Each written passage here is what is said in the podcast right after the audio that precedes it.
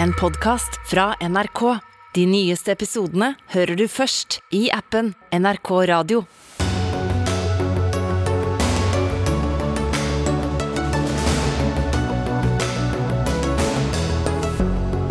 Rent flertall for Høyre og Fremskrittspartiet i en ny meningsmåling. Senterpartiet nærmer seg sperregrensa. Regjeringen vil ha mer norsk matproduksjon, men soldater på Terningmoen og Rena leir, som er omgitt av potetåkre, de serveres poteter fra utlandet. Språket i Bibelen skal bli mer kjønnsinkluderende. Bibelen kan ikke jobbes med som et woke-dokument, mener en eh, avisredaktør. Og regjeringens elbilpolitikk gir økte klimagassutslipp, eh, ifølge Venstre. Skivebom, svarer Klima- og miljødepartementet. I tillegg skal det handle om valg både i Danmark og i Israel her i Dagsnytt 18, i dag ledet av Sigrid Solund. Ja, Regjeringspartiene fortsetter å dale på meningsmålingene. Nå klokka 18 publiserer NRK og Aftenposten en eh, ny partimåling fra Norstat. Den første siden regjeringen la fram sitt første helt hjemmesnekrede forslag til statsbudsjett. Men det virker jo ikke som om velgerne har latt seg begeistre så veldig, Tone Sofie Aglen, du er kommentator her i NRK. Nei, i så fall så skjuler de i hvert fall den begeistringa godt. Arbeiderpartiet havner altså på 18,2, Senterpartiet på 4,3% Hvem av dem svir det verst for, tror du? Nå tror jeg nok at eh, Arbeiderpartiet har blitt eh, godt vant til eh, dårlige målinger. Likevel så er dette den svakeste målinga som Norstat har tatt opp for NRK og Aftenposten, så det er jo en ny, nytt bunnivå. Men for Vedums parti så er dette den svakeste målinga Senterpartiet har fått etter at han overtok som leder. Og han har jo lenge sett på at alle piler har pekt oppover, så jeg tror nok at det er krevende for Senterpartiet, kanskje særlig for de tillitsvalgte rundt i landet som ser at det lakker og lir mot et uh, lokalvalg. Og hvor er det blitt av alle disse velgerne, Kjetil Bragli Alstaheim, politisk redaktør i Aftenposten? Hvis vi ser på de bakgrunnstallene, så går det jo både hit og dit. Eh, men eh, en god slump fra Arbeiderpartiet særlig går til Høyre, men også en del da, som stemte Senterpartiet i fjor, går til Høyre. Eh, og så har du jo en veldig stor altså største, Det største tapet er til sofaen eller gjerdet, eller hva man skal si. Eh, de som stemte, folk som stemte Arbeiderpartiet eller Senterpartiet i fjor, og som nå sier at de vet ikke hva de skal stemme. Så de er litt sånn, har satt forholdet på vent, kan du si. På pause. mange går til høyre, mange bare setter seg ned i sofaen, som du sier. Og så er det en del som forsvinner, også til de andre partiene lengre til venstre. Og når det er så fragmentert bilde, eller usikkert bilde, hva skal partiene gjøre for å få velgerne tilbake igjen? Det er jo eh, vanskelig for dem, rett og slett. Og det handler jo også om at de har eh, et budsjett med veldig lite spillerom. Eh, ut fra den økonomiske situasjonen og hvordan regjeringen analyserer den. Det at de, de har noen store utgifter til strømstøtte, mottak av flyktninger og litt sånn forskjellig. Og så har de et behov for å holde igjen på oljepengebruken, sånn at de ikke liksom, setter fart i bidrar til at renten øker enda mer enn den uansett vil gjøre. Sånn at de har et lite handlingsrom der. Så du kan si regjeringen er på en måte liksom rammet av krymflasjon, som jeg har hørt om. Der du går i butikken og så får du en pakke, og så er det plutselig færre lefser, og du betaler like mye. Og nå er det da valgløftene. De, disse partiene kom med en svær pakke til velgerne i fjor. Nå betaler de mer, og de får mindre. og så har de jo tidligere, for det er jo ikke den første dårlige målingen for disse to partiene, da har de jo kunnet peke fram mot budsjettet bl.a. og si ja, men vent til vi kommer med vår egen politikk. Så hvor mye svir det da, tror du? At nå, er, nå ser vi den politikken, og så var det ikke det folk ville ha? Jeg tror nok at, at, det oppleves eh, som en utfordring. For det som overraska mange med budsjettet, det var jo for det første så ble det jo solgt inn som eh, veldig stramt. Så slo det nok kanskje litt beina under den kriseforståelsen at de også hadde funnet rom til ganske mye som, som fikk folk til å tenke ja ja, var det nå egentlig så stramt? Det andre handler litt om at det var et budsjett med en ganske tydelig brodd mot høyresida, der de tidligere har fått mye av kritikken fra LO og fra venstresida. så var det særlig næringslivet som nå reagerte og var kritisk. og Nå hadde man kanskje venta at man skulle få en litt sånn tydeligere effekt av det. Og Det vil kanskje overraske at man ikke ser tydeligere effekter av et budsjett som, selv om det var stramt, så hadde i hvert fall en ganske tydelig kurs og prioritering. Og hvis de hadde sittet her selv, så hadde de helt sikkert sagt at her har de måttet gjøre vanskelige prioriteringer, og det er tross alt krig, og det er krise. Men Astheim, statsministeren Støre, han er jo en diplomat, han var en veldig populær utenriksminister. Hvorfor klarer han ikke å gjøre seg mer populær i en sånn ekstremsituasjon som vi tross alt befinner oss i? Det er, det er jo et godt spørsmål, og spørsmålet er om det er så lett å gjøre seg populær på å håndtere den krisen som, som vi er oppe i. Det er klart det at det er krig i Europa Europa eh, krever veldig mye tid eh, og oppmerksomhet fra den som er statsminister. Og han kan bli litt lite synlig for folk og virke litt fjern, tror jeg. Eh, fordi han driver med, med nettopp det diplomatiet som, som, han er kjent for fra før. Men at, han, men at han da kanskje kan oppleves som at han ikke er opptatt, så opptatt av det det folk opptreffes av i, de, i hverdagen sin, da, med strømpriser og økte matpriser og sånne ting og popularitet er jo ikke så veldig viktig akkurat i en sånn situasjon, vil mange mene heller. Men da blir det annerledes med en sånn type krise som vi står i nå, kontra den som Erna Solberg var i, da, som var en mer sånn innenrikskrise når det var koronapandemi. Den opplevdes jo mer direkte og nærmere og mer sånn direkte skummel, da, særlig i starten, og truende. Og at det gikk på folks uh, liv og helse. Og tiltakene var jo også mye mer inngripende og direkte overfor dem. Nå blir det mer sånn indirekte effekter, sånn som eh, strømprisene. Som, eh, som, er, som, jo er en, eh, i stor grad en effekt av den energikrigen som, som, Putin driver mot Europa. Men det er det også andre spørsmål om kraftkabler og energipolitiske valg som gjør der, der diskusjonen litt annerledes. Og hver gang vi har en fra regjeringa eller Stortinget her i studio, så sier de at det er krig og det er krisetid. Men hvor mye går den retorikken hjem hos deres egne lokale tillitsvalgte, folkevalgte rundt i landet? Ja, Det er jeg litt eh, usikker på. For når jeg hører eh, lokale Ap- og Senterpartipolitikere snakke, så innleder de veldig ofte med at ja, vi skjønner at det er krevende å styre nå, men. Eh, og da har man gjerne en forventning til sin kommune og sitt budsjett. Men så er det verdt å merke seg at der regjeringa i en tidlig fase fikk mye kritikk for å ikke ha en klar kommunikasjon, så har de nå kanskje gått litt i andre grøfta, hvor de har en, et veldig tydelig gjenkjennbart budskap som jeg tror i hvert fall Dagsnytt 18s lyttere har Skjønte nå. Med seg, og Vi ja. ser jo også at eh, Jonas Gahr Støre åpenbart prøver å gjøre noen ting med sin synlighet ved å ha langt flere pressekonferanser, sånn som Erna Solberg hadde.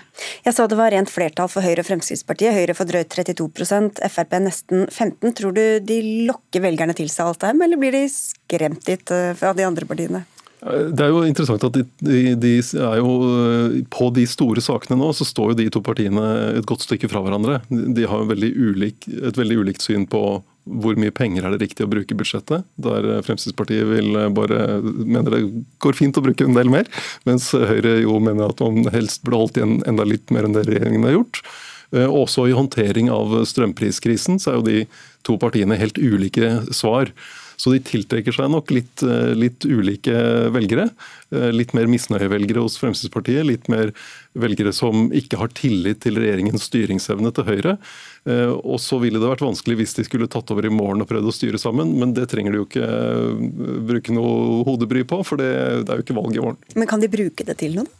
Det, de, det, er klart det gir jo god stemning i partiene, og det, det er jo viktig for dem inn i, eh, i, valgkampen neste år, eh, lokalvalgkampen. Det, selv om dette er eh, en stortingsvalgsmåling, så bidrar det jo til humøret i partiene. Og så kan man lese mer om disse målingene og deres kommentarer vel også både på nrk.no og på Aftenposten. Vi har ikke invitert noen politikere hit til oss, for vi vet jo hva de sier. Måling er måling og valg er valg, og det er det siste som teller. Her er det jo nesten et år til neste valg, men vi skal snart snakke om to faktiske valg, både i Danmark og Israel. Takk skal dere ha.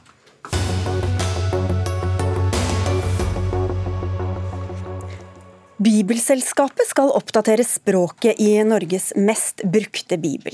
Et av grepene er å gjøre teksten mer kjønnsinkluderende.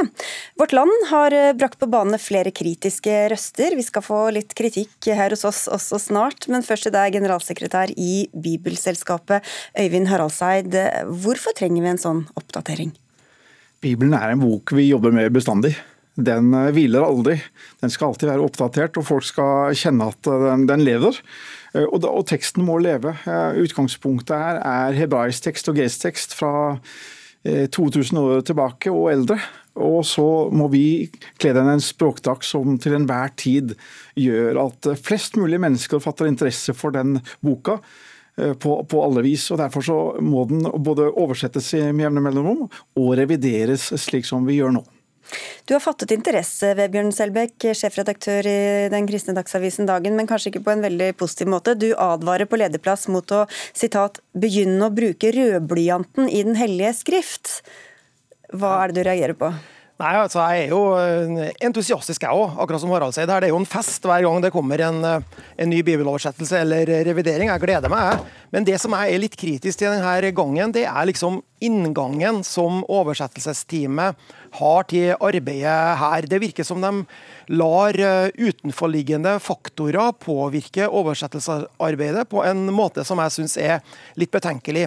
For Bibelen er jo ikke en hvilken som helst eh, tekst. Det er et eh, historisk dokument. Det er noe av det viktigste dokumentet vi har for den vestlige sivilisasjonen. Det har påvirka kunst, kultur, lovverket vårt. Og så er det også for to milliarder kristne et, noe mer enn det. Det er, det er Guds ord. Og Når man da eh, annonserer, som eh, oversettelsesteamets leder gjør i vårt land, at eh, det er et mål at denne bibeloversettelsen skal ha et eh, kjønnsinkluderende språk, så syns jeg det er et problem. Det er et problem når man sier at uh, man viser til Oslos biskop Kari Weiteberg, som har i gravferdsritualet kutta ut eh, Johannes 3,16, den lille bibel. Uh, for man ønsker ikke ordet fortapelse. Skal vi, ta, skal vi ta dette første først, med det kjønnsinkluderende? Det som skjer er vel at man bare bytter ut brødre med brødre og søstre, Harald Seid. Hvorfor gjør man det? Det gjør man fordi at man ønsker å ta tak i det som ligger i grunnteksten her. Og, og, eh, Nestor i forhold til oversettelsesarbeidet i Norge, Gunnar Jonstad, han sier at det er saklig relevant å få fram betydningen og den betydningen å bruke både eh, eh, brødre og søstre i denne konteksten. Og det, det, Dette med det kjønnsinkluderende det er ikke noe nytt. Det har vært en førende faktor i oversettelsesarbeidet på, i forhold til det internasjonale arbeidet med bibeloversettelse helt tilbake fra 1980-tallet. Så dette har ikke noe verken med Weiteberg å gjøre eller oversettelsesutvalgets leder. Men det er vel grunn til å tro at Bibelen skulle henvende seg til alle, begge eller alle kjønn, eh, Selbekk? Ja da, absolutt. Og det, det, det mener jeg òg. Jeg tror at, at Bibelen er universell, og den kristne tro er universell. Men eh, når det står brødre eh, i, i grunnteksten, og man oversetter det med brødre og søstre, så er jo det en type tolkning. Eh, og Den mener jeg man skal overlate til bibelteksten sjøl. Så det er jo noen som, som, mener at Bibelen er et kjønnsdiskriminerende dokument. Andre mener at den er kjønnsinkluderende, den er universell. Og Da mener jeg at tolkninga det skal vi overlate til leseren. Vi skal ikke legge tolkninga vår inn i selve bibelteksten. Det er ikke eh, rettferdig mot kritikerne av, av, Bibelen, mot kritikerne av den kristne tro, og heller ikke mot, mot uh, kristne lesere som ønsker å legge noen ting mer enn det historiske og det kulturelle i det. Man kan gjøre den mer inkluderende enn det den egentlig er, da, kanskje, Harald Seid? Ja, altså, jeg er jo for så vidt enig med, med Vebjørn på dette, som prinsipielt. Og så er, er det jo slik slik at de som jobber med oversettelse for Bibelselskapet, de er eh, mer enn teologer, nemlig språknerder eller språkeksperter, for å bruke et mer riktig ord. Inkluderende ord. Rett og slett. Og, og, og det er jo språk de kan. Og Derfor så er jo det grunnleggende prinsippet i bibeloversettelse nemlig å finne ut av hva ligger det i den greske teksten, eller eventuelt den hebraiske teksten i forhold til Det gamle testamentet. Og hva blir det da riktig å oversette det som? Eh, man går ikke via teologien og, og, sier at eh, teologi, man skal passe, eh, få Bibelen til å passe med teologien. Det er snarere motsatt at man skal få språket skal definere teologien. Så i Brødre her så var det ment alle? Det er det som de som er våre språkeksperter mener. Og hvorfor ikke da si det rett ut, Selbekk? Jo, men jeg mener det blir da en, en, tolkning, selv om jeg er enig i den tolkninga. Jeg, jeg er også helt overbevist om at det, det menes begge deler. Så skal vi være forsiktige Eh, av mange årsaker. Også av, eh, av, det historiske og av det litteraturkritiske, altså kritikken mot bibelteksten. Også de som er kritiske Men når skulle man slutte å revidere Bibelen, da? Har ikke det skjedd Nei. i ganske lang tid skal... bakover? Når, var, når, er det du mener den perfekte eh, oversettelsen fantes? Nei, men det er jeg enig med Harald Seidi, sier, at den, den, finner vi aldri, og det vil alltid være eh, nyanser, det vil alltid være feil. og det er, jo, eh, det er jo det som er så spennende med Bibelen, at det er en levende tekst. Men la oss ikke putte inn ting som ikke finnes der. La oss hele tida strebe med å oversette det mest mulig eh, korrekt. Og så er det jo et kjempepoeng som jeg er helt enig i. At det er ikke bare at den, er, eh, den skal være så nøyaktig som mulig, den må også være så forståelig som mulig. Og der eh, tror jo jeg at man i det store og hele gjør et et godt arbeid i Bibelselskapet. Jeg har tillit til dette eh, oversettelsesutvalget. Men jeg løfter en liten sånn advarende pekefinger mot å putte inn ting i teksten som ikke finnes der. Det, det syns ikke jeg er rettferdig mot eh, et så spesielt dokument som Bibelen er. Her er vi nok eh, veldig enige, Vebjørn og meg. Og, og det er klart at når vi skal, skal vi få den beste teksten som mulig, så må vi ha gode folk. Og jeg mener at vi har de beste folka som jobber for oss i forhold til å skape den riktige gode teksten. Men, men du skriver Selbekk, at man må nærme seg oversettelsen med den ærefrykten det krever, underforstått at det har kanskje ikke vært nok ærefrykt i stedet her? Ja, altså, da må jeg kanskje ta litt sånn tekstkritikk mot meg sjøl. Altså, ærefrykt er jo et veldig sånn pompøst ord, så nå er jeg kanskje litt pompøs av og til, så, så jeg, jeg, må, kanskje ta litt selvkritikk på det. Men, men, jeg mener jo at eh, ærefrykt Man kan bruke andre ord. Altså man, dette er ikke et hvilket som helst dokument. Det er ikke et sånt det er ikke Astrid Lindgren-bok der man kan bytte ut uh, negerkonge med sydhavskonge fordi man skal være politisk korrekt på et 2020-tallsspråk. Sånn er det ikke med Bibelen. Også de vanskelige, krevende tingene som finnes der, dem må man ikke legge skjul på. De, uh, de må uh, fremstå sånn som det var på den tida da, da bibelteksten ble skrevet, og det er det mest ærlige overfor alle. Og dere vil ikke bruke f.eks. hen for å gjøre det enda mer inkluderende, Harald Seid? Nei, det har ikke vært et tema. Nei. Og jeg tror ikke det blir et tema heller, ettersom da må man tilbake til den greske teksten igjen, for det er den som er førende for hvordan Bibelen skal oversettes. Da kan man lese den oversettelsen man eh, liker best, da, og så kommer det en ny en nå fra Bibelselskapet. Så får vi si takk til dere to, eh, Øyvind Haraldseid, som er generalsekretær nettopp i Bibelselskapet, og Vebjørn Selbekk, sjefredaktør i Dagen.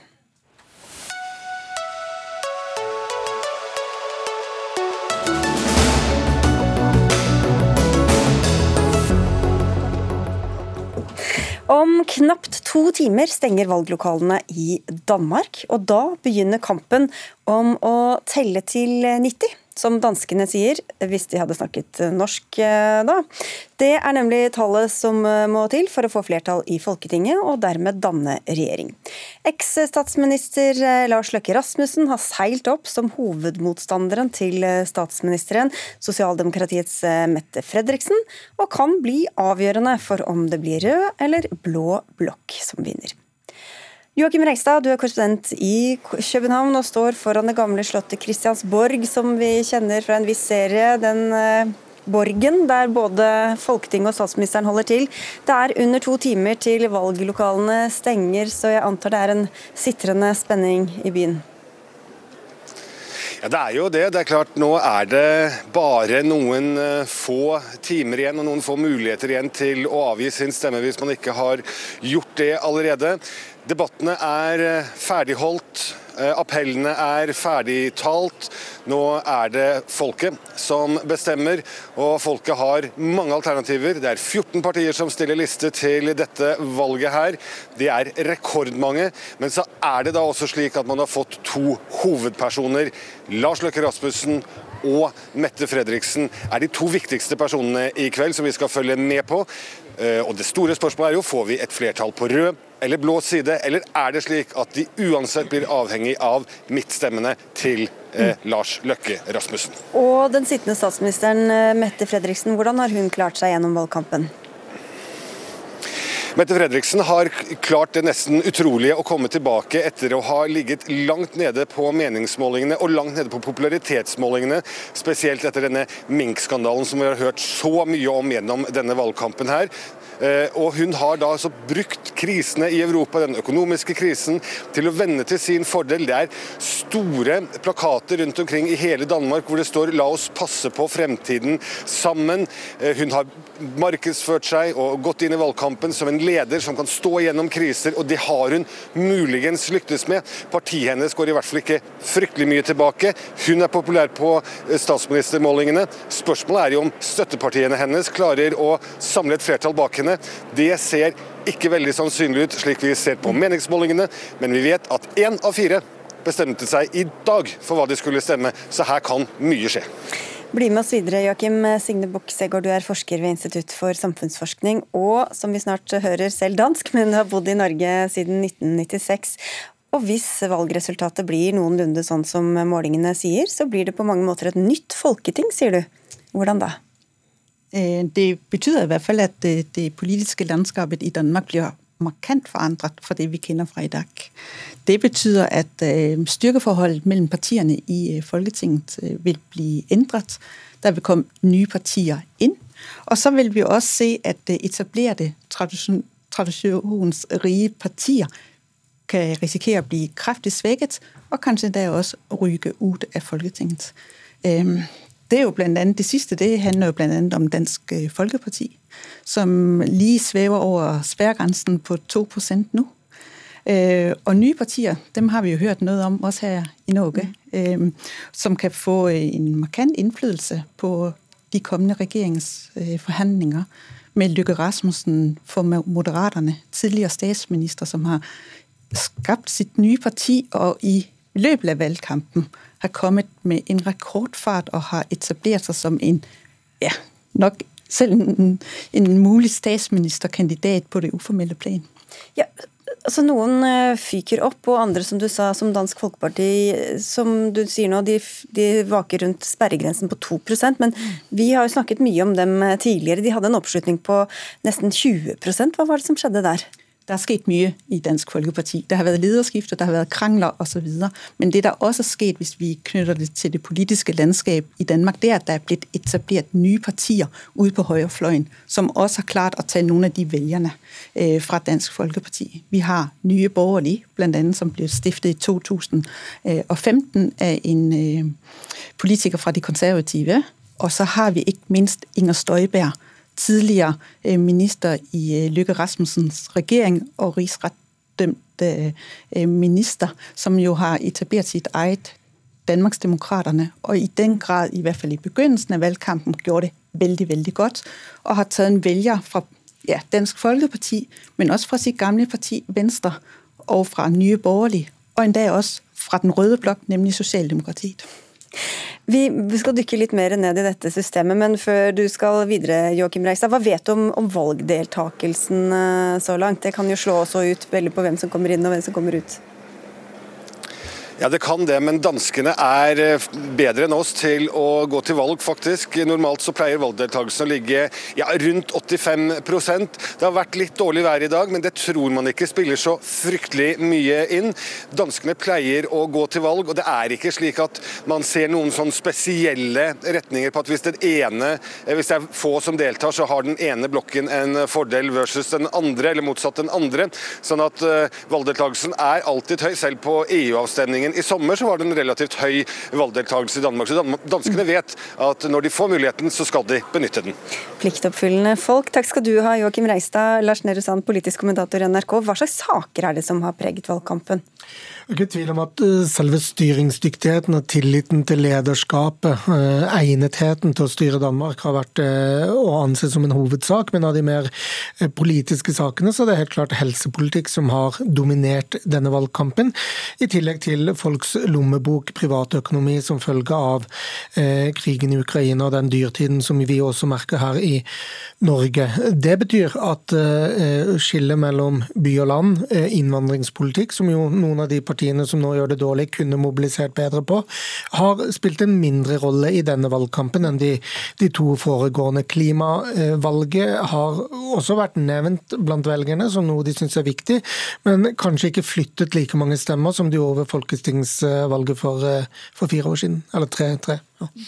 Netop det at øh, helsepolitikk er blitt en stor sak i valgkampen, er jo nok en av de viktigste årsakene til at Lykke Løkke Rasmussen har gjort det så ekstremt godt i valgkampen. Fordi han igennem hele sin politiske karriere har vært veldig opptatt av helsepolitikk, helsereformer osv., og har en stor troverdighet nettopp på det området. Så hans, til, vælgernes tillit til ham på det området er nok stor, og noe av det som er årsak til den fremgang de har hatt i meningsmålingene. Det har også vist hans evne til å manøvrere, for han er jo nettopp på den grunn også ansvarlig for mye av årsakene til helsesystemet i dag er som det er. Men nå skal peker han på, seg, nå peker han på seg selv som den beste til å ta det videre.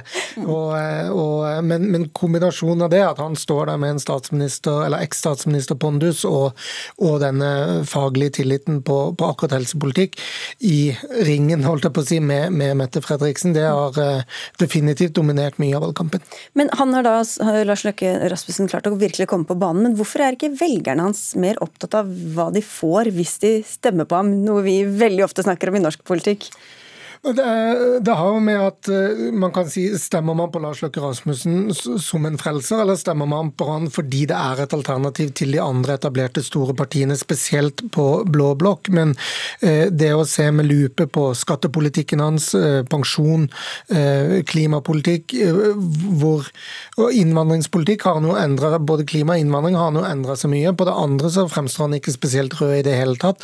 Og det er også sårbart for, for Rasmussen Thorsen den perioden han nå går inn i, med en ganske stor folketingsgruppe antakeligvis, om velgerne syns han ble altfor rød eller altfor blå i forhold til hva de hadde tenkt seg når de har stemt han. Og så er det jo også sånn at Lykke Rasmussen Vælgerne oppfatter nok at de kjenner ham veldig godt. De vet hva han står for. De kjenner alle de feil han også har gjort i sin politiske karriere, både politisk og personlig. Men samtidig så handler det jo også om at øh, han har en troverdighet overfor vælgerne i den forstand at øh, følge meg. Jeg har en politikk, og nettopp øh, det at politikk i, politikken i, i, i, Danmark i større grad ikke bare følger partiene, men rent faktisk også følger politikerne, øh, er også en faktor der spiller inn her, og som egentlig på mange måter Lykke Rasmussens suksess i valgkampen også reflekterer veldig godt. Men hvilken blokk tror du ligger hans eh, hjerte nærmest? Nei, altså det er et store tusen kroner spørsmål, og det kan jeg ikke svare på eh, nå. Eh, men det der i hvert fall er sikkert, det er at eh, hans politiske prosjekt rett øh, siden 2019 har jo vært rent øh, offentlig, har han sagt, at det skal være en regjering over midten. Mm. Så vi må tro ham på hans ord inntil det motsatte er bevist. En lavere sperregrense, Lars, eh, kanskje noe mer personfokus. Er det andre forskjeller vil du si, på norsk og dansk politikk? Det som har vært mest fascinerende med denne valgkampen, er likheten i form av eh, hvordan man ser på velferdsstatens fremtid som ekstremt avgjørende for, for, den neste politiske perioden. Eh, og det har vært eh, synes jeg, fascinerende å følge fra, fra Oslo. Eh, og så er det andre ting som, som selvfølgelig er, er, likt i Eller den, den, store forskjellen er kanskje at blokkene frem til nå har vært så sementert. Og det er nok det som kanskje vil bli, bli, husket fra dette valget om, om fem og ti år i, i hele Danmark. At den, den manøvreringen både uh, Løkke Rasmussen, men også Mette Fredriksen gjorde da hun skrev ut valget og, og uh, strakk en hånd over midten, uh, at det er et epokeskifte i, i, hvordan dansk politikk utformes. Mm. Om en og en halv time kommer det valgdagsmåling. Hvor mye kan vi stole på den, tror du? Det kan være den eh, Nå er det så tight at det kan være at det ikke har noe å si. Men det vi får svar på da, er om det røde, røde blokk har flertall eller ikke. Sannsynligvis har det ikke det. Eh, og, og det er i hvert fall ett svar som nok blir klart tidlig. Og så er det nok mye som vil ta uker og måneder, eh, og flere runder innom dronningen før, før statsministeren er pekt ut. Og allerede har vi ett valgresultat som er kjent, Segård, nemlig fra Færøyene. Det er riktig. Vi har to mandater, der kommer fra Færøerne. Valget ble avholdt i går.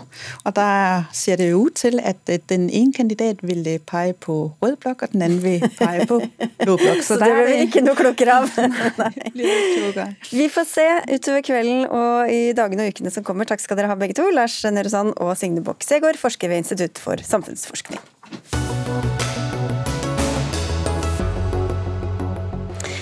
Når soldatene på Terningmoen og Rena leir setter seg ned ved middagsbordet, ja da er poteten på tallerkenen mest sannsynlig fra et annet land. Samtidig som bøndene rundt dem eh, tar opp tonnevis av norske poteter, og samtidig som regjeringen ønsker at vi skal bli mer selvforsynt. Dette uttaler du deg om til avisa Østlendingen, Arne Christian Kolberg. Du er styreleder i Forum for norsk grønt, som har som, formål, som mål å øke omsetningen av nettopp da norsk frukt og grønt. Forklar dette. Hvorfor spiser soldater som nærmest holder til oppi en potetåker, ikke de samme potetene? Jeg tror det er et resultat av regler ja, for offentlig innkjøp, og ikke minst praktisering av reglene. Og så tenker jeg at Tiden nå er inne, tiden er her for oss å gå inn og justere og korrigere litt både på regler og praktisering. Ja, for Hva sier de reglene som de forholder seg til? Offentlig innkjøp eh, er, eh, det er ulike kriterier som legges til grunn. En viktig kriterie er pris, så kan det være klima, og så kan det være arbeidsforhold hos de som har produsert varen. Det kan være helse på produktene. Og pris tillegges veldig stor vekt. Og akkurat i det konkrete eksempelet som vi bruker her, så var pris 100% kriteriet.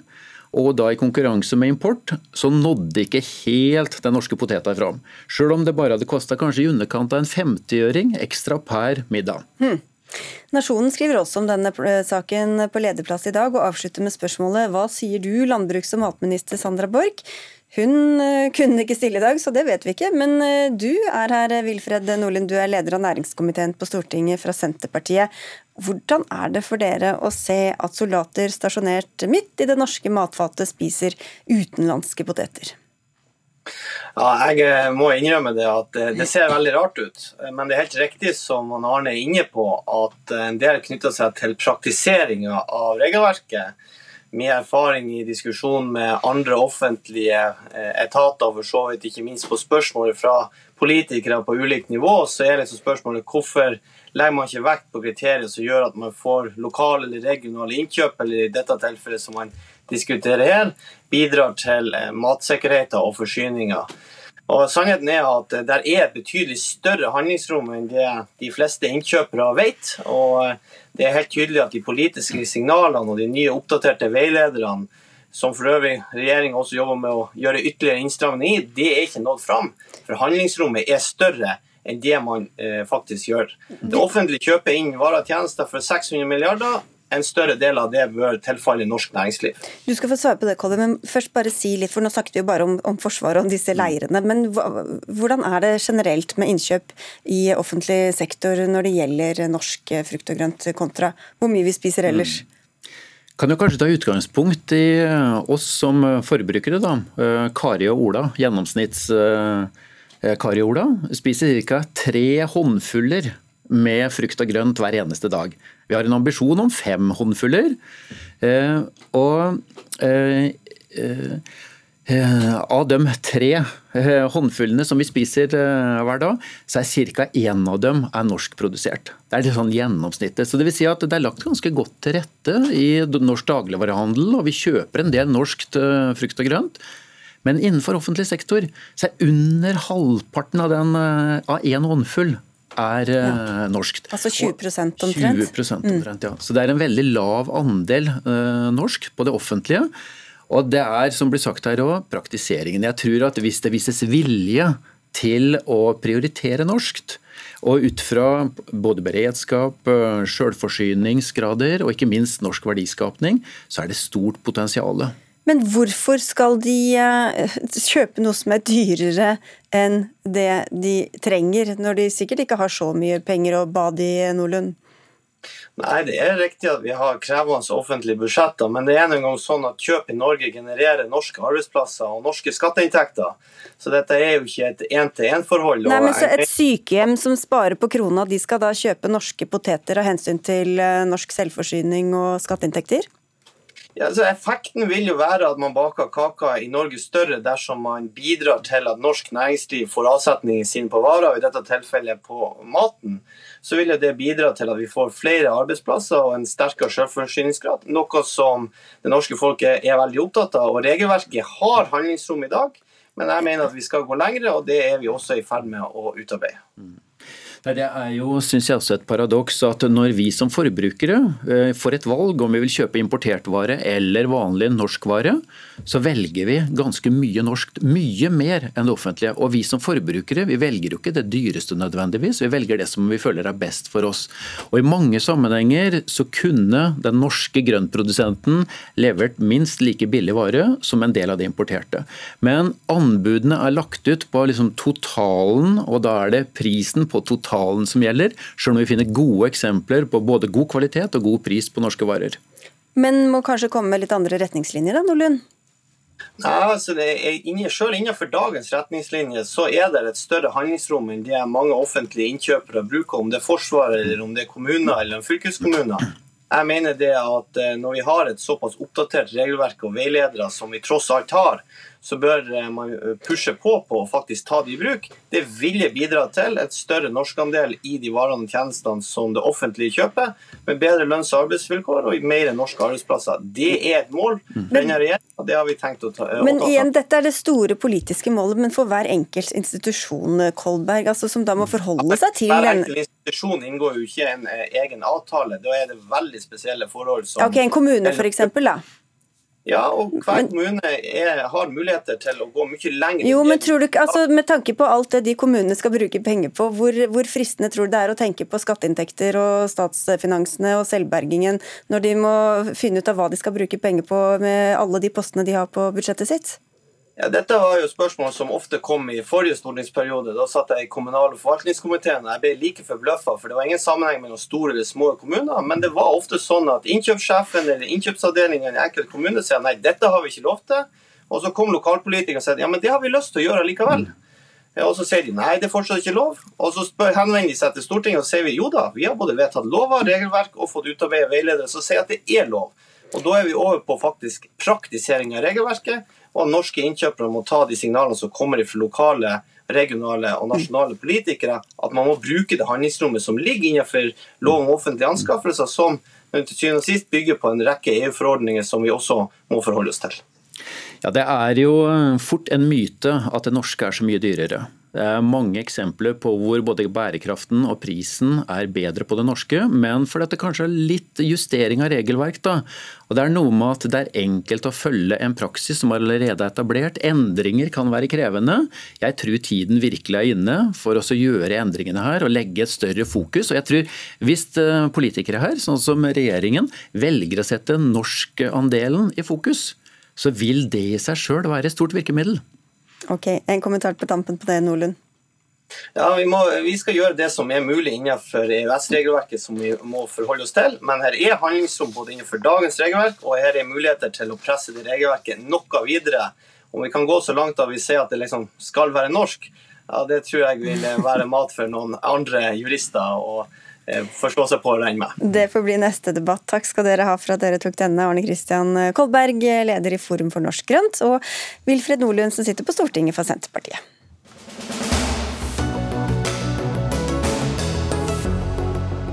Som nevnt er det ikke bare Danmark som har valg i dag. For femte gang på fire år går nå israelerne til valgurnene. Den nåværende regjeringskoalisjonen har styrt siden i fjor, men nå har den rett og slett raknet. Det mange lurer på er om Benjamin Netanyahu gjør comeback. For å få til det trenger han støtte fra partier langt ute på høyresiden. Midtøsten-korrespondent Åse Marit Befring, hvor sannsynlig er det at Netanyahu igjen inntar regjeringskontorene? Ja, Netanyahu har ledet på eh, alle meningsmålingene, så hvis man skal tro dem, eh, så er det han som har størst sjanse for å vinne dette valget. Eh, men det er usikkert om han vil klare å få det nødvendige flertallet for å kunne danne en regjering. Men skulle han klare å få det og flytte inn i regjeringskontorene, så skjer det altså samtidig med at han står tiltalt i en pågående korrupsjonssak. Og mange stiller spørsmål ved om han da vil være skikket til å kunne lede landet. Eh, men det er altså fortsatt i det blå om eh, noen av blokkene vil klare å få et eh, flertall. Flere kommentatorer begynner allerede nå å snakke om et sjette valg i løpet av da fire år, som det blir. Men hvordan har han klart å mobilisere når, som du sier, han er tiltalt både for det ene og det andre? Altså, han har en veldig stabil velgermasse på mellom 41 og 48 prosent. Det har han hatt eh, de seneste årene, og de støtter ham uansett hva. Og Dessuten så har Benjamin Netanyahu eh, snakket om denne saken som fiktiv, han har kalt det en hekseprosess. Han har til og med ment at etterforskerne av saken må etterforskes.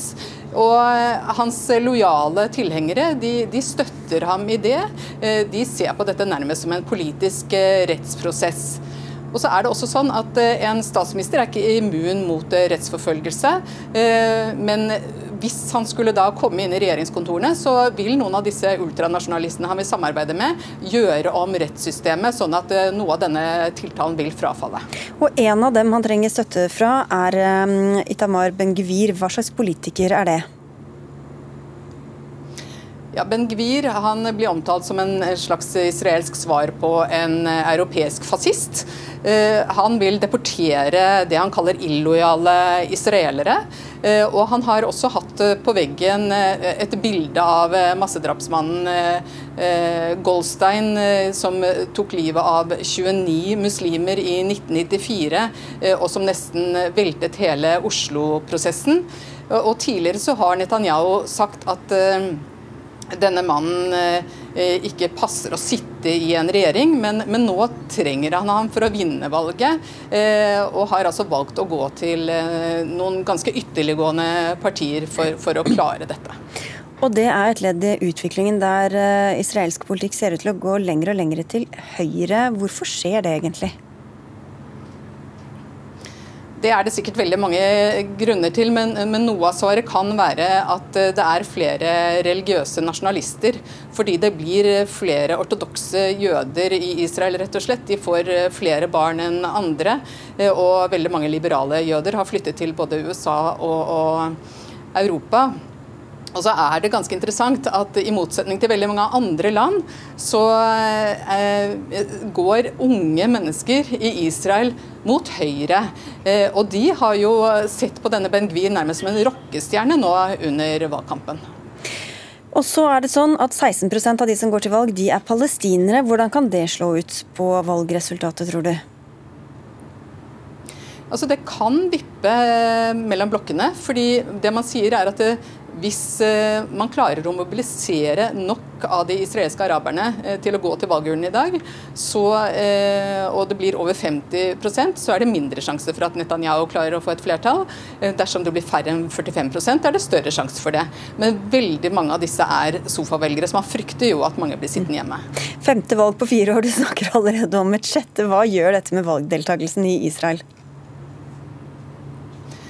Ja, Det siste jeg så nå, faktisk, altså det siste som er sagt om valgdeltakelsen i dag, det var klokka 16 i israelsk tid. Og da var det da slo det alle rekorder. Altså, det har ikke vært så mange som har gått til valgurnene på det tidspunktet siden 1999. Så til tross for en lang rekke med valg, så ser det ikke ut til at israelere er lei av å gå til valgurnene. Så får vi se hvor det ender. Takk skal du ha, Åse Marit Befring.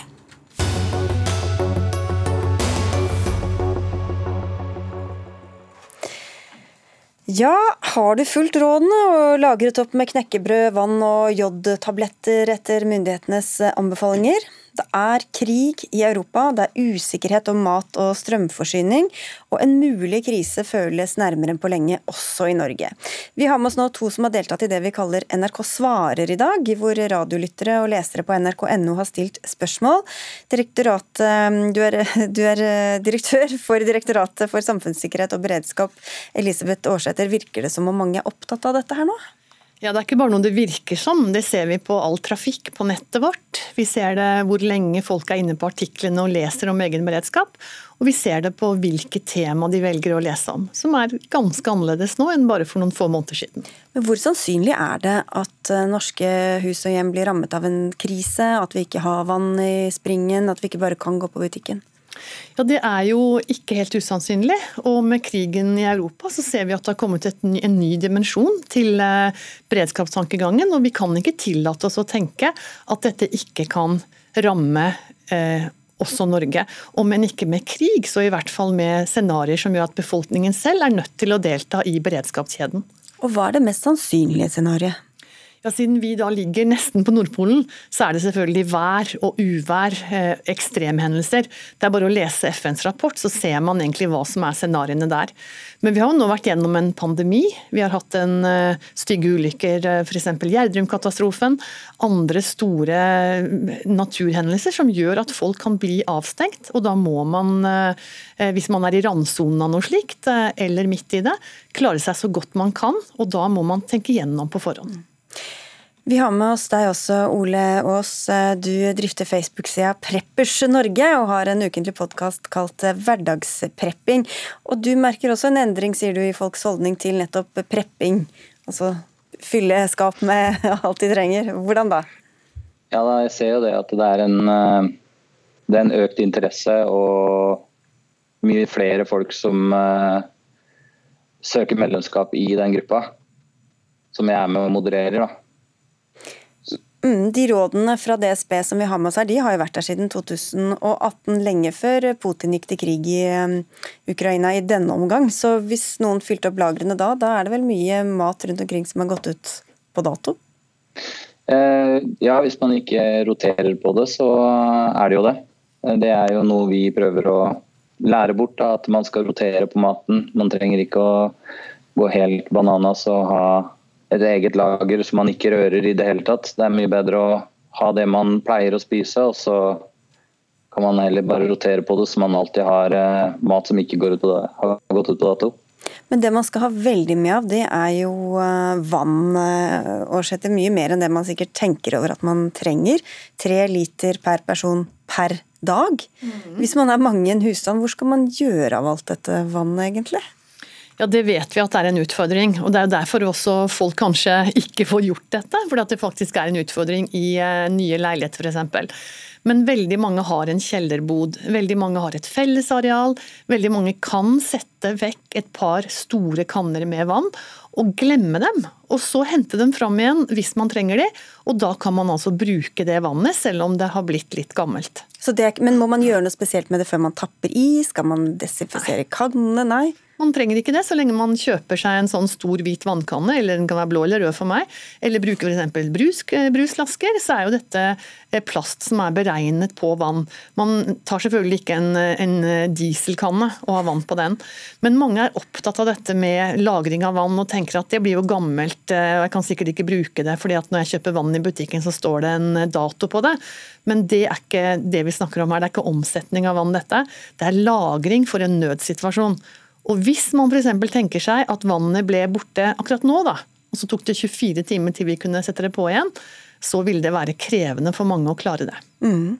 Og så skal vi da ha hermetikk eh, og frysetørret eh, mat og andre matvarer som tåler å stå lenge oss. Men hva med sånne poser som trenger vann for å uh, bli til den maten det er ment å være? Er det noe særlig lurt å satse på med tanke på all denne vannet vi må ha stående? Ja, altså, det, er jo, det, er jo det. Uh, man kan jo koke opp vann også, som ikke nødvendigvis er lagra i, i uh, vanndunker, uh, men som man kan hente vann fra bekken og koke opp det. Litt sånn som man gjør når man er på tur. da. Hva hvis noen har lagret ting utenfor huset, da, og det skjer en um, atomulykke, eller Russland faktisk tyr til atomvåpen, kan man da gå ut og hente disse tingene? Eh, hvis man henter det inn før man får eh, nedfall eh, der man bor, så kan man det. Men eh, ikke etter, kanskje. Årsetter anbefalingene nå er tre dager. Hvor, hvor sannsynlig er det at det holder hvis det faktisk skjer en krise eller en katastrofe? Jeg må bare kommentere først på dette mm. med hvis det skulle være en atomulykke. For mm. da vil eh, befolkningen bli varslet, rett og slett. Og da vil man få konkrete råd av hva man skal gjøre og ikke gjøre. Og da er det inneopphold som er viktig. Ja, Det er derfor jeg lurte på hva man gjør hvis man har lagret noe i hagen eller. Da henter man det når man får beskjed om at man skal søke inn. Eh, hvis det skulle komme et, et eh, atomrikt avfall eh, seilende ned over våre områder gjennom skyene f.eks., så vil man få beskjed om det. og Da vil man gå inn og da vil man hente det man har ute i boden først, tenker jeg. Men man vil få beskjed om det. Men det er bare veldig viktig at folk lager seg fire dager, fem dager eller en uke, men myndighetenes råd er tre dager. For hvis alle kunne ta tre dager, eller i hvert fall veldig mange, så ville grunnberedskapen i samfunnet øke mye. Og det er det som er poenget her. Ikke om du velger tre eller to, men at hvis vi får en krise som varer over tid, f.eks. et kraftig strømbrudd eller at vannet blir borte, så må nødetatene bruke sin energi på de som trenger hjelp, og ikke på alle de som burde ha planlagt litt bedre. Hva er det folk virker mest engstelige for når du har sittet og svart i dag? Ja, De er redd for krigen i Ukraina. Og hva spør de om da? Da spør de f.eks. om tilfluktsrom. De spør om Ja, det lurer jeg også på. Tilfluktsrom. Ja, det lurer alle på. Tilfluktsrom er jo, en, er jo en, en, del av beredskapskjeden som Norge har beholdt. Veldig mange land har jo ikke det. Og i Norge så har vi tilfluktsromsdekning for halvparten av befolkningen. Den har aldri vært høyere tidligere heller. Men nå utreder vi hvordan vi kan eh, bruke andre oppholdssteder som tilfluktssteder. Det er jo ikke sånn at Truslene er de samme som de var etter krigen. Og det er heller ikke slik at folk bor på samme sted som før, og at behovene er de samme. Og Hvis man er ekstra engstelig og lurer på hvor det nærmeste tilfluktsrommet er, hva gjør man da? Da kontakter man kommunen sin, f.eks. Ok, vi får se. Du, man kan gå inn og se hva dere har svart på nrk.no. Takk skal dere ha for at dere kom og svarte litt her også. Elisabeth Aarsæter, direktør for Direktoratet for samfunnssikkerhet og beredskap. Og til deg, Ole Aas, som er programleder i podkasten Hverdagsprepping.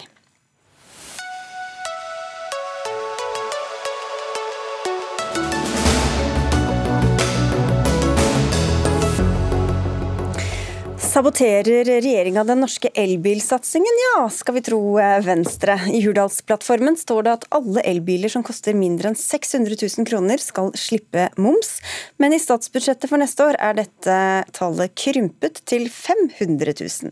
I tillegg innføres engangsavgift og dyrere bomringpasseringer. Leder i Venstre, Guri Melby, hva tror du eller frykter du kan bli konsekvensen av dette?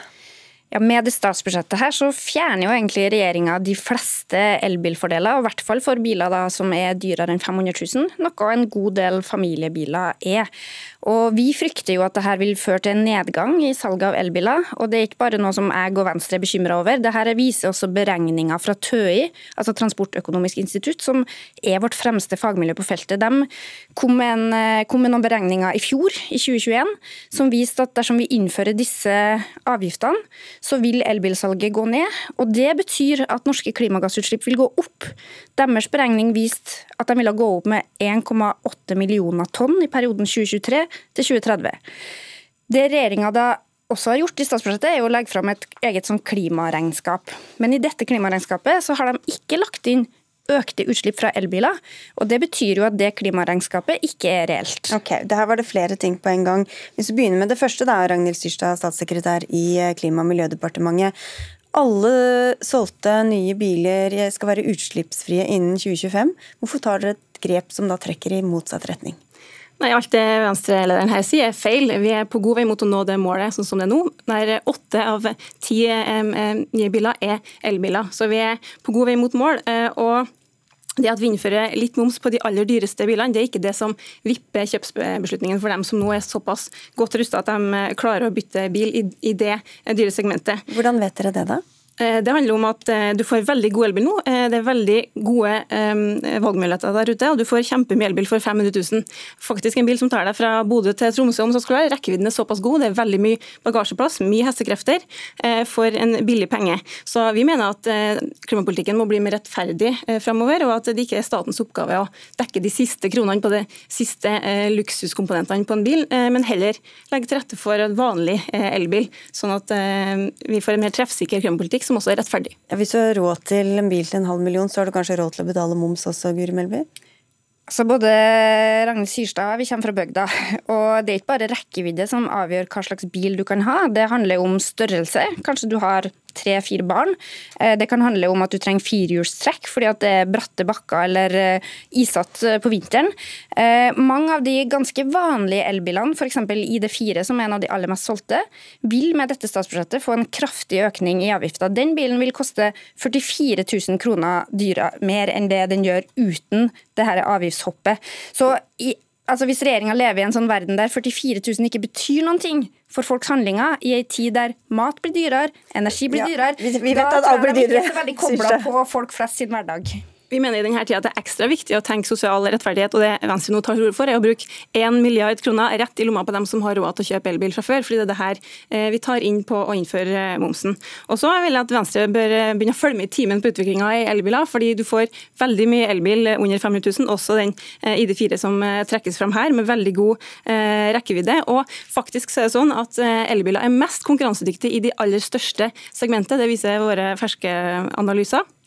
Og dermed at eh, Det er de aller største bilene med mest eh, relevans for distriktet som eh, Gry her tar opp, som er der elbilen er mest konkurransedyktig. Men Tror du at dette kommer til å føre til færre eller flere solgte elbiler over 500 000? Faktisk så eh, er det også en bekymring gjennom at det eh, selges for mye eh, biler. Det blir for mye biler på veien, for mye lokal forurensning, kø i byer, og som går på bekostning av kollektivtransporten. Vi vil at elbil skal erstatte fossil bil, ikke busser, sykkel og gange. Og Derfor er det viktig at vi bruker pengene rett på mer elbiler. Og ikke drive og bytte bil hele tiden, Guri Melby. Det er heller ikke særlig bærekraftig? Nei, det er ikke Jeg har kjørt min Nissan Leaf siden 2015, og det funker, det. altså. Det er klart at det er mulig å få tak i elbiler som funker under 500 000, men problemet er jo at i noen av de segmentene der elbilene taper, er jo store, kraftige biler som koster en del. Og Du kaller det en milliard rett i lomma på dem som har mest, men jeg kaller det en milliard til å kutte i klimagassutslipp. Det vi vet Men Er det den mest treffsikre måten å gjøre det på, når vi allerede har subsidiert disse elbilene i så mange år? Ja, men Det vi vet, er at lavere avgifter påvirker folks kjøpmønster. og TØI er jo dem som står for disse beregningene. Det er jo ikke bare noe jeg har funnet på, det her at det vil føre til økte utslipp. Det her er beregninger fra Tøye som ble presentert i fjor. Og jeg har et spørsmål til statssekretæren fra Klima- og miljødepartementet. For jeg lurer på hvilke modeller er det hun har brukt og departementet har brukt når de påstår at dette ikke gir økning? Vi har ikke brukt den modellen som du viser til, fordi det er på et helt annet tiltak ja, enn regjeringen gjør. Men hvilke, ja, hvilke si, modeller har du brukt? Hvilke modeller har du brukt? Vi gjør noe annet enn den rapporten du eh, viser til, eh, for den fjerner all moms. Vi har sagt at moms skal være for beløpet over 500 000 og det skal ligge fast over hele perioden eh, fram til 2025. Så det er forutsigbart for folk og mer rettferdig endring i bilpolitikken. Eh, og så er det... Men du sa forutsigbar, men det sto da vitterlig 600 000 i eh, Hurdalsplattformen, så da syns jo dere at, at dette var et godt innslagspunkt på det tidspunktet? Der er det en rekke ting som har endra seg siden vi sa det tallet. Det er bl.a.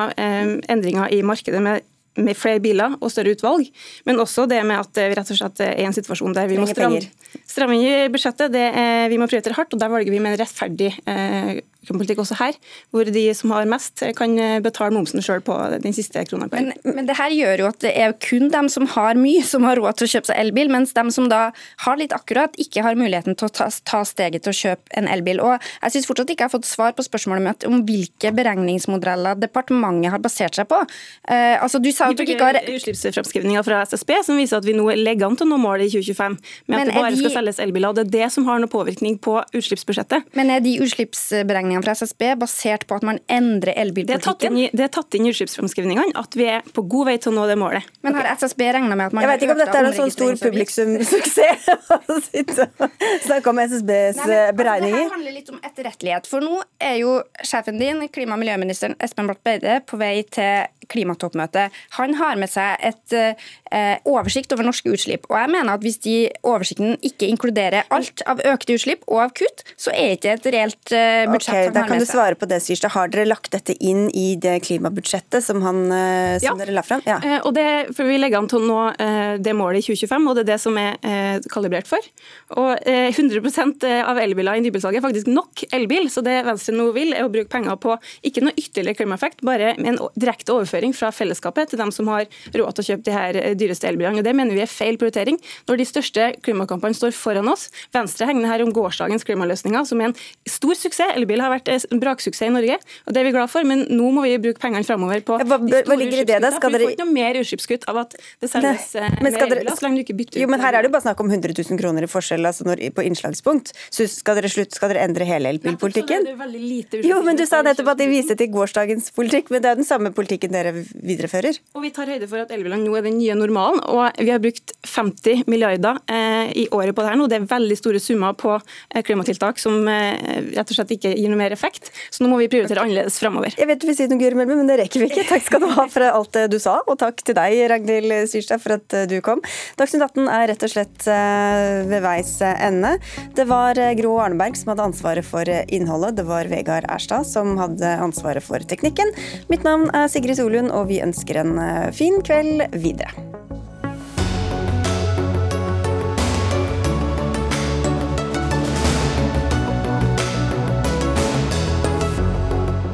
Du har hørt en podkast fra NRK.